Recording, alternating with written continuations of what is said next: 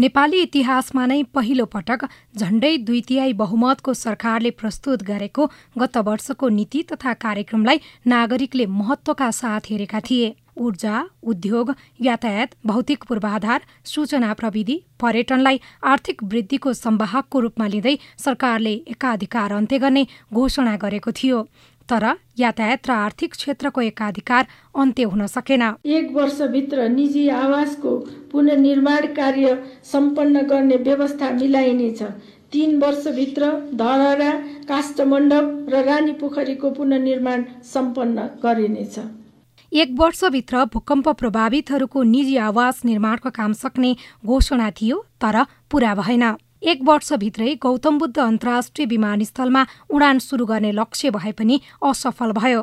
प्रत्येक नेपालीको बैङ्क खाता कार्यक्रम सुरु गर्ने भनिएको थियो सुरु भए पनि पूरा भएको छैन। कृषियोग्य भूमिको अतिक्रमण र खण्डीकरण रोकिने विषय पनि अघिल्लो नीति तथा कार्यक्रममा थियो तर सरकारले यसलाई कार्यान्वयन गर्न सकेन। मल बिउ औषधि उपकरण र अन्य आवश्यक सम्पूर्ण सेवाहरू गाउँ वा नगरपालिकाभित्रैबाट पूरा गर्ने भनिएको थियो तर गाउँ नगरमा स्थापना भएका कृषि केन्द्रले प्रभावकारी सेवा दिन सकेका छैनन्। प्रत्येक स्थानीय तहमा कम्तीमा एक चिकित्सक रहने व्यवस्था गरिनेछ।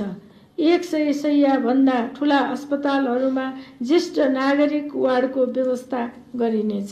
प्रत्येक स्थानीय तहमा स्वास्थ्य संस्था स्थापनाको लक्ष्य पनि यो वर्ष पूरा भएन भने किसानलाई माटो स्वास्थ्य प्रमाणपत्र उपलब्ध गराउने घोषणा सबैमा लागू भएन।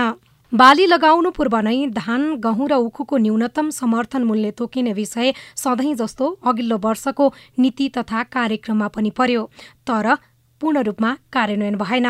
फलाम खानीको वैज्ञानिक परीक्षण उत्खनन एवं प्रशोधनको ठोस काम भएन।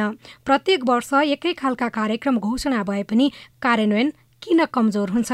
अर्थविद डाक्टर चन्द्रमणि अधिकारी। मुख्य कुरा हाम्रो कार्यक्रम बनाउने बेला परियोजना राख्ने बेला परिपक्व ढङ्गले अध्ययन अनुसन्धान गर्नुपर्ने जति नगरिकन व्यक्तिगत प्रभाव राजनीतिक प्रभावको कारणले गर्दा त्यो राख्नाले ती कार्यक्रमहरू कार्यान्वयनमा नगएको कारणले गर्दा अर्को साल फेरि दोहोरिन गएका हुन्।